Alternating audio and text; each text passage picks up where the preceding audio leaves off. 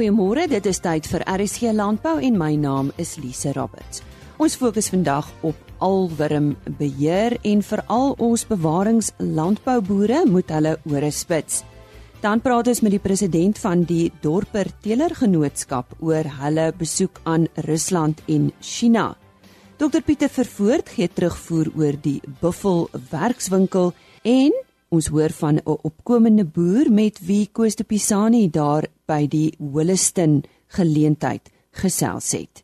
Ons gesels vanoggend weer met die Instituut vir Graangewasse, Dr Sonja Steenkamp en uh, ons fokus vandag op alwurmbeheer en sy is 'n nematoloog. Uh, ja, Sonja, uh, wat se nuus het jy vir ons? Die slegte nuus is alwurm sal altyd ongelukkig 'n deel maak van 'n boerdery omdat hulle so oral voorkom en omdat hulle op feitelik alles gaan parasiteer en voortplant wat 'n boer kan aanteel.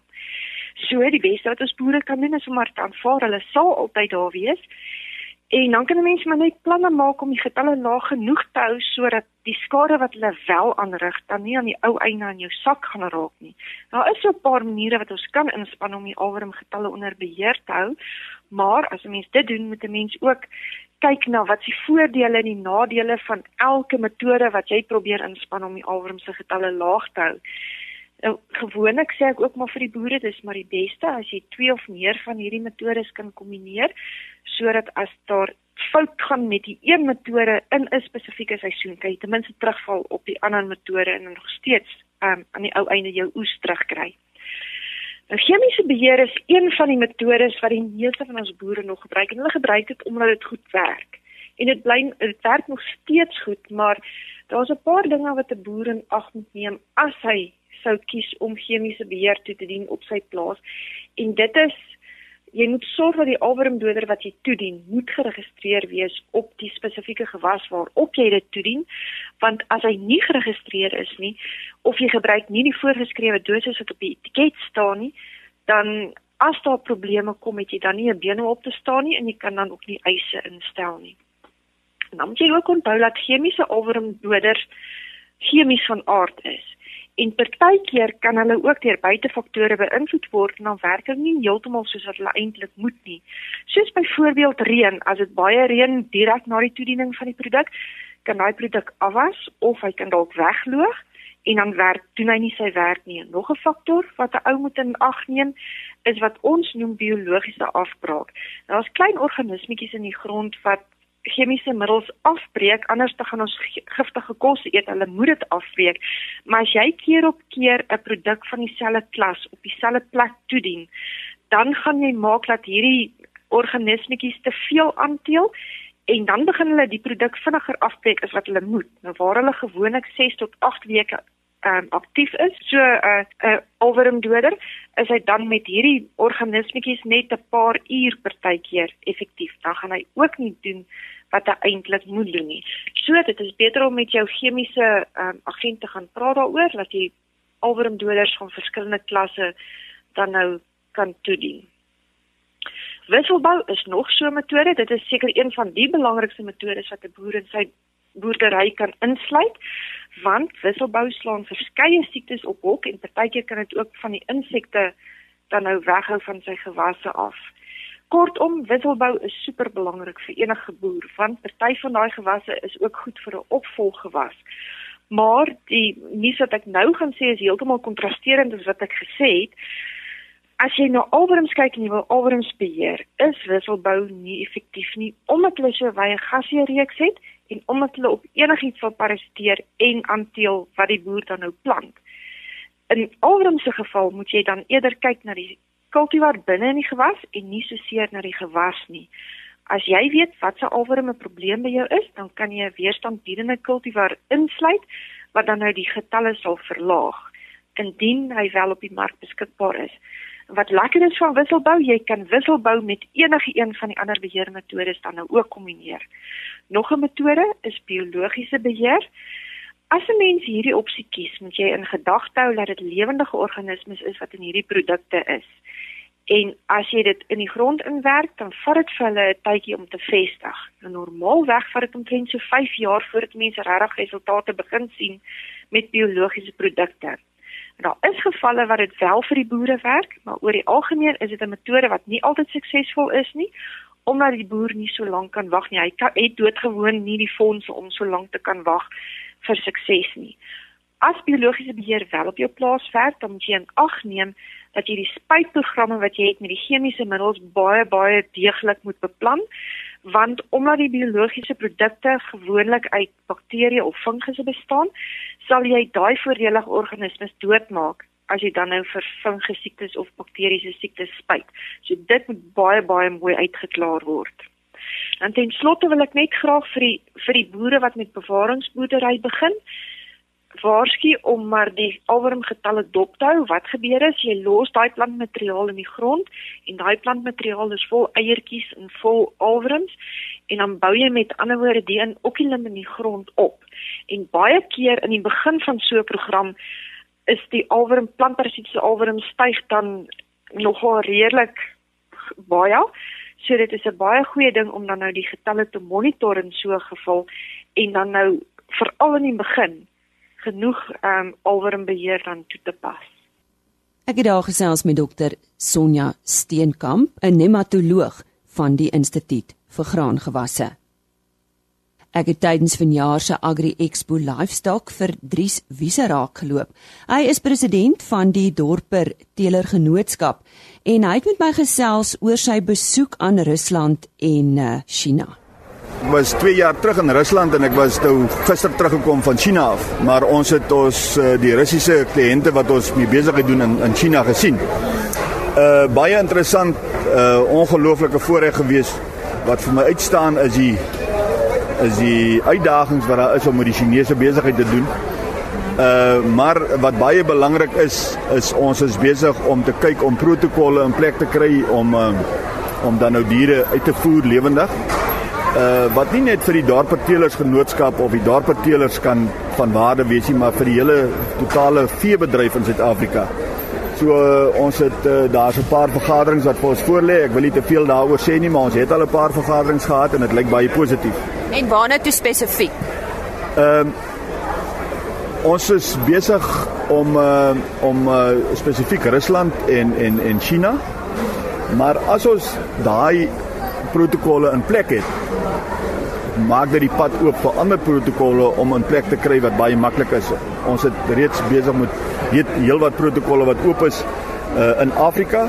Uh, maar vir die res van die wêreld bly dit 'n uitdaging. Wat die wat die Rusland projek betref, ons het 2 jaar gelede met baie groot opgewondenheid weggetrek en ons het 'n uh, 'n kliënt uh, ek wil hom as 'n kliënt beskou op hierdie stadium uh, het ons gekontak en hulle wil baie diere invoer en uh voelgriep het die kle spesifieke kliënt baie hard geslaan.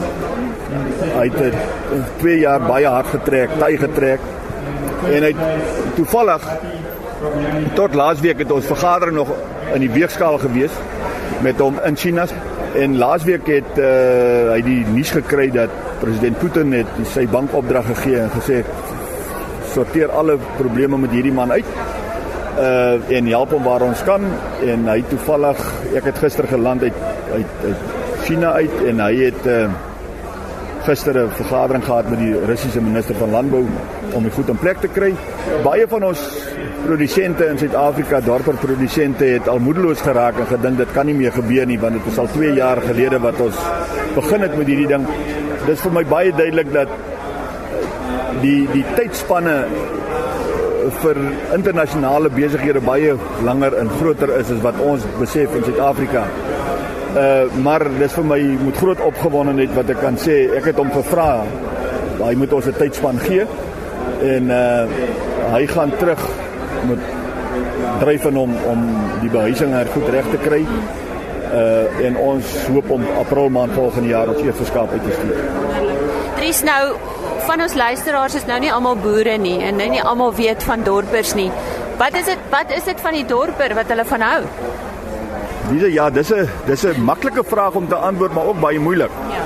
Ehm uh, jy weet toe die departement van landbou in die laat 1940s opdrag gegee het aan uh, Grootfontein Landbou College om 'n om 'n om 'n ras te ontwikkel wat 'n hoë kwaliteit karkas kan lewer onder baie droë toestande in ons en 'n dier 'n ras te ontwikkel wat in ons ariede dele kan baie goed doen.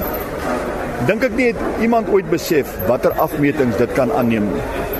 As ek vir jou sê dit is definitief die belangrikste vleisproduserende dier wat nie ander voordele het as net vleisproduksie in Suid-Afrika nie. Maar wat hom veral besonder maak, is op hierdie stadium loop hy in 52 ander lande in die wêreld. En die die terugvoer wat ons daarvan af kry is enorm. Uh ek het toevallig 'n plaas besoek in China in die afgelope week waar daar 100 000 oeye intensief mee geboer word, waarvan 80% daar per oeye is. En en as ek na daai mense luister en na die die stories wat wat vertel word in China oor oor die dorpe, dan is dit fenominale stories. So dit maak jou klein voel om deel te wees van so 'n groot grootse ras. Uh maar dit laat my verskriklik trots voel om deel te wees daarvan.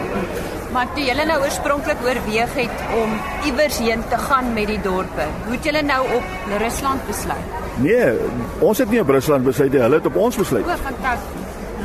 So uh, dit is nie 'n geval van dat ons ek gaan meen soek gaan soek dit nie. Dit het hmm. absoluut na ons toe gekom. Ek meen uh, ons het uh, 8 jaar gelede het ek die eerste embrio's uitgevoer Switserland toe. Dit is diere wat vandag in die Alpe loop. Ek het in 19 dorper in die Alpe. dorper in die Alpe. Ek het 92 1992 die eerste witdorper embrio's uitgevoer wat uit die land uit gegaan het na Kanada toe. En ek het hulle 'n paar jaar later onder 6 meter sneeu gesien in Kanada. Uh so dit was nêrens ons het nie geweet hoe om die, om die, om die wêreldmark te betree nie. Ons het ek dink ons het nou nog nie 'n idee nie want ons is nie goeie bemarkers nie. Maar so die die die wêreld het na ons toe gekom. Uh en dit laat jou klein voel en, en nederig voel en maar baie trots om deel te wees daarvan. Dries Wiese, die president van die Dorper Telersgenootskap met wie ek gesels het tydens die onlangse Agri Expo Livestock.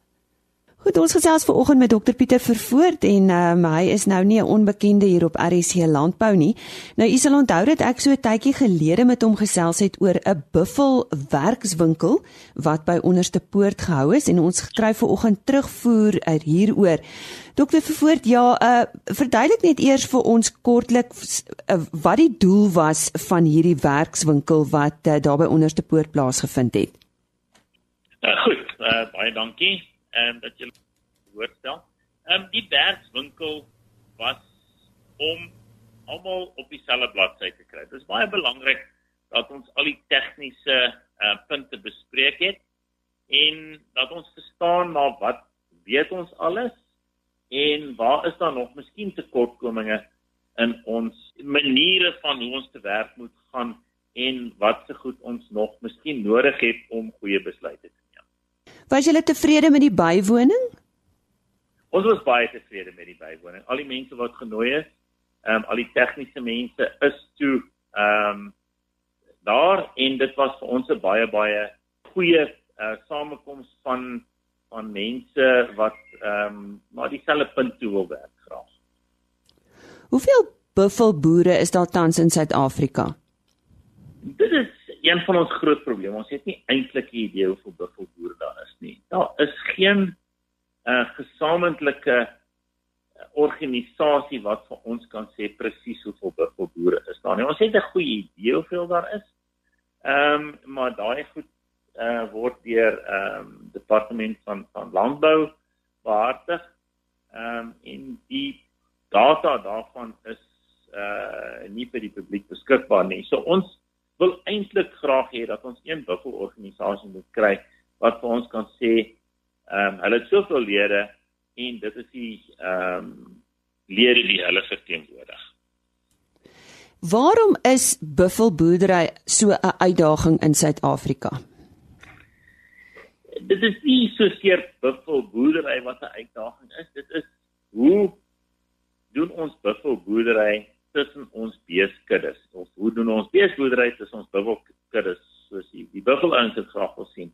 En ek dink dit is die belangrike ding. Onthou buffels ehm um, is draas van 'n klomp siektes wat uh beeste kan kry by hulle en dis hoekom meeste lande nie buffelboerdery tussen beeste toelaat nie. Ons het nou wel gekry dat ons buffelkuddes in die skoonsone in die nie back and claw area nie eintlik 'n bedreiging is vir die beeste nie.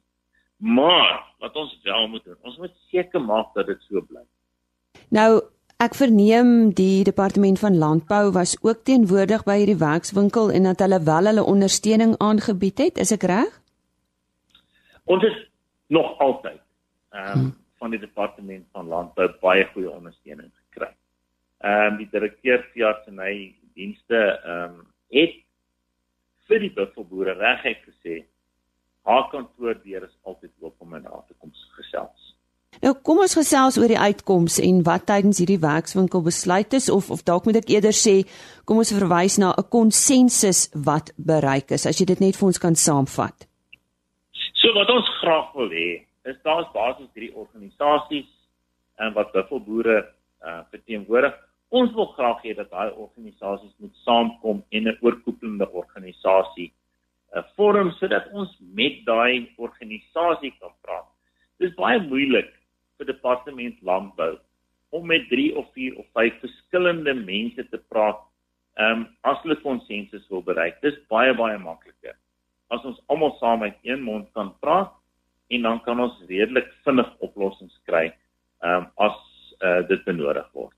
So, ehm uh, is daar 'n aanduiding van wanneer of hoe so iets gaan gebeur? Ons het vir die drie organisasies wat daar was gevra om saam te werk. Ehm um, ons saam met departement van landbou dink ek het baie van die tegniese probleme opgelos. Ehm um, en ek dink die pad is nou oop as die buffelboere kan saam staan en saam kan praat uit een mond dat ons redelik vinnig al die probleme uit die weg gaan ruim. Ja, dis dan dokter Pieter Vervoort van die Nasionale Dieregesondheidsforum en hy het met ons gesels oor 'n buffel werkswinkel wat daar by onderste poort gehou is juis om uh, probleme in die areas aan te spreek. Die gras ander kan die draad lyk altyd groener, maar elke mens of beroep het maar sy eie probleme. Sedert 1994 het die begrip van 'n opkomende boere huishoudelike term geword in landboukringe. Nou sommige sal sê opkomende boere kry alles op 'n skinkbord van die regering se kant af, maar hulle gras ander kan die draad is beslis nie groener nie. Koos de Pisani gesels nou met Frik Beke, 'n opkomende boer uit die Holliston omgewing wat van die eerste persone was wat in 1994 geleenthede aangegryp het om ook te boer. Hy vertel van die probleme wat opkomende boere in die gesig staar en hoe sy pad in die landbou geloop het tot waar hy vandag staan. Frik Bekes is 'n opkomende boer sedert 1994. Ek het 'n bietjie met hom gesels oor die pad wat die opkomende boere gestap het na sukses toe. Frik, uh, jy was een van die eerste opkomende boere in die Holliston omgewing. Hoe het jy betrokke geraak in die, in die boerdery? Uh wanneer ja, uh, mevrou Blou het na ons toe gekom en gesê dat ehm uh, daar is 'n geleentheid vir ons om om te boer en ehm um, dat daar 'n stukkie grond was, die munisipaliteit was 'n stukkie grond gegee het waarop ons kan begin. En ehm um, So diegene wat toe hy het 'n uh, veetjie gehad het, het hulle toe nou daar bymekaar gebring. En so en toe hulle later aan tot grond ehm uh, uh, uh, uitgevind hulle kan 'n plaas kry. En toe moes ek hulle 'n plaas identifiseer en ek het teruggegaan en hulle het toe uh later aan die plaas gekoop.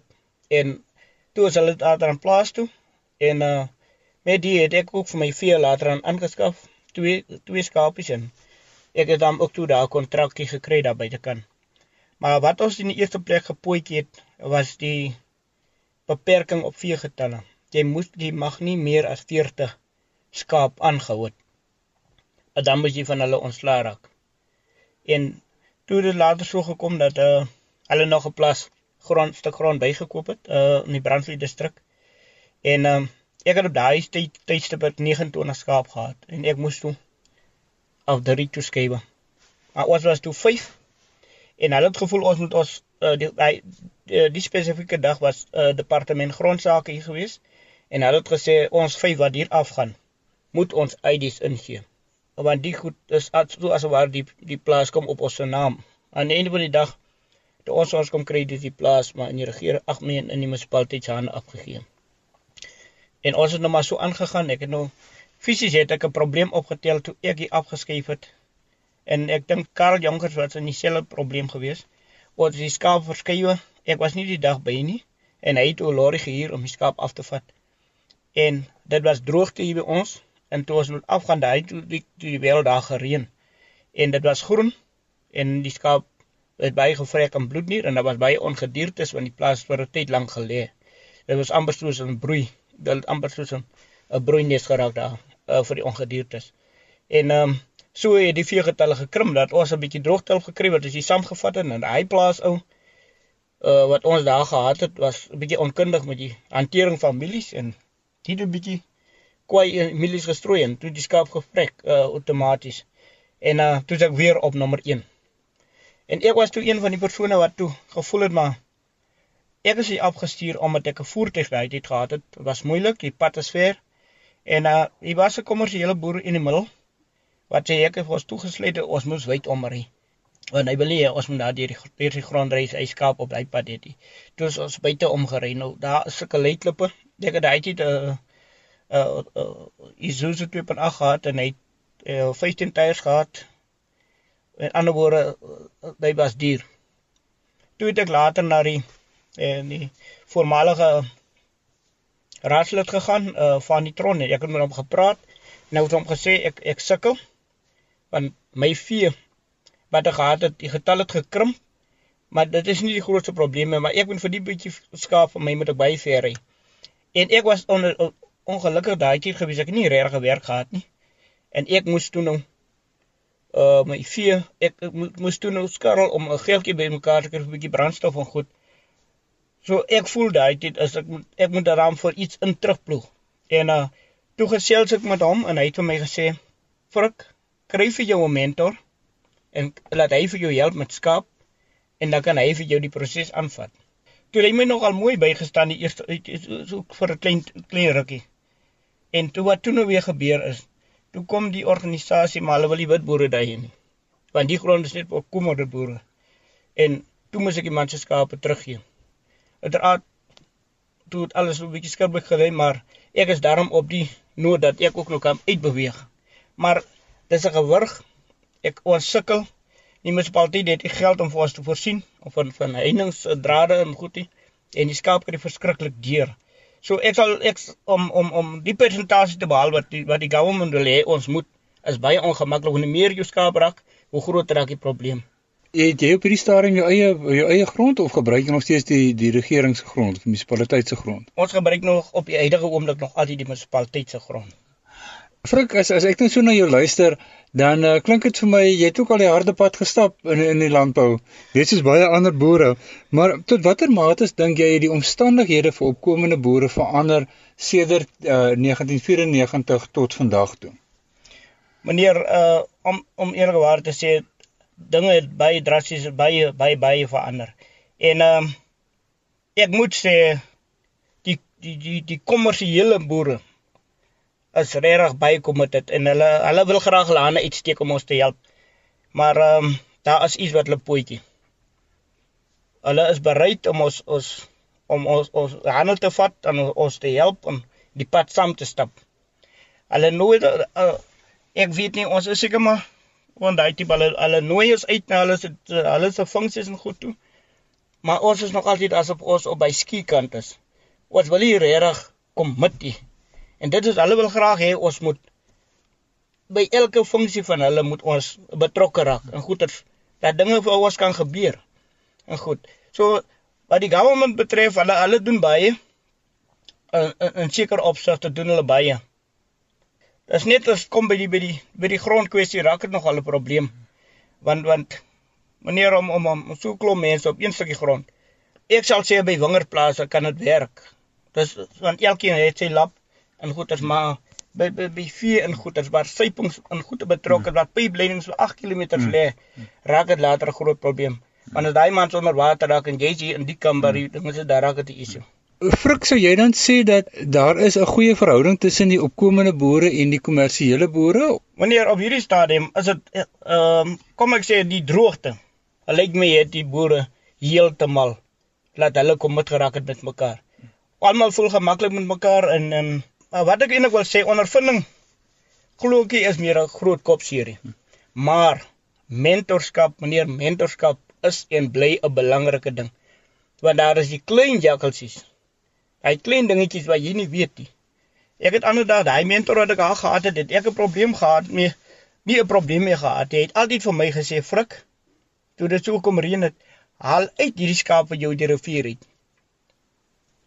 Jy moet oppas, jy moet wakker wees vir die slengdalkoors. Wees gewaarsku. Eh, sit hulle in die randtekamp in.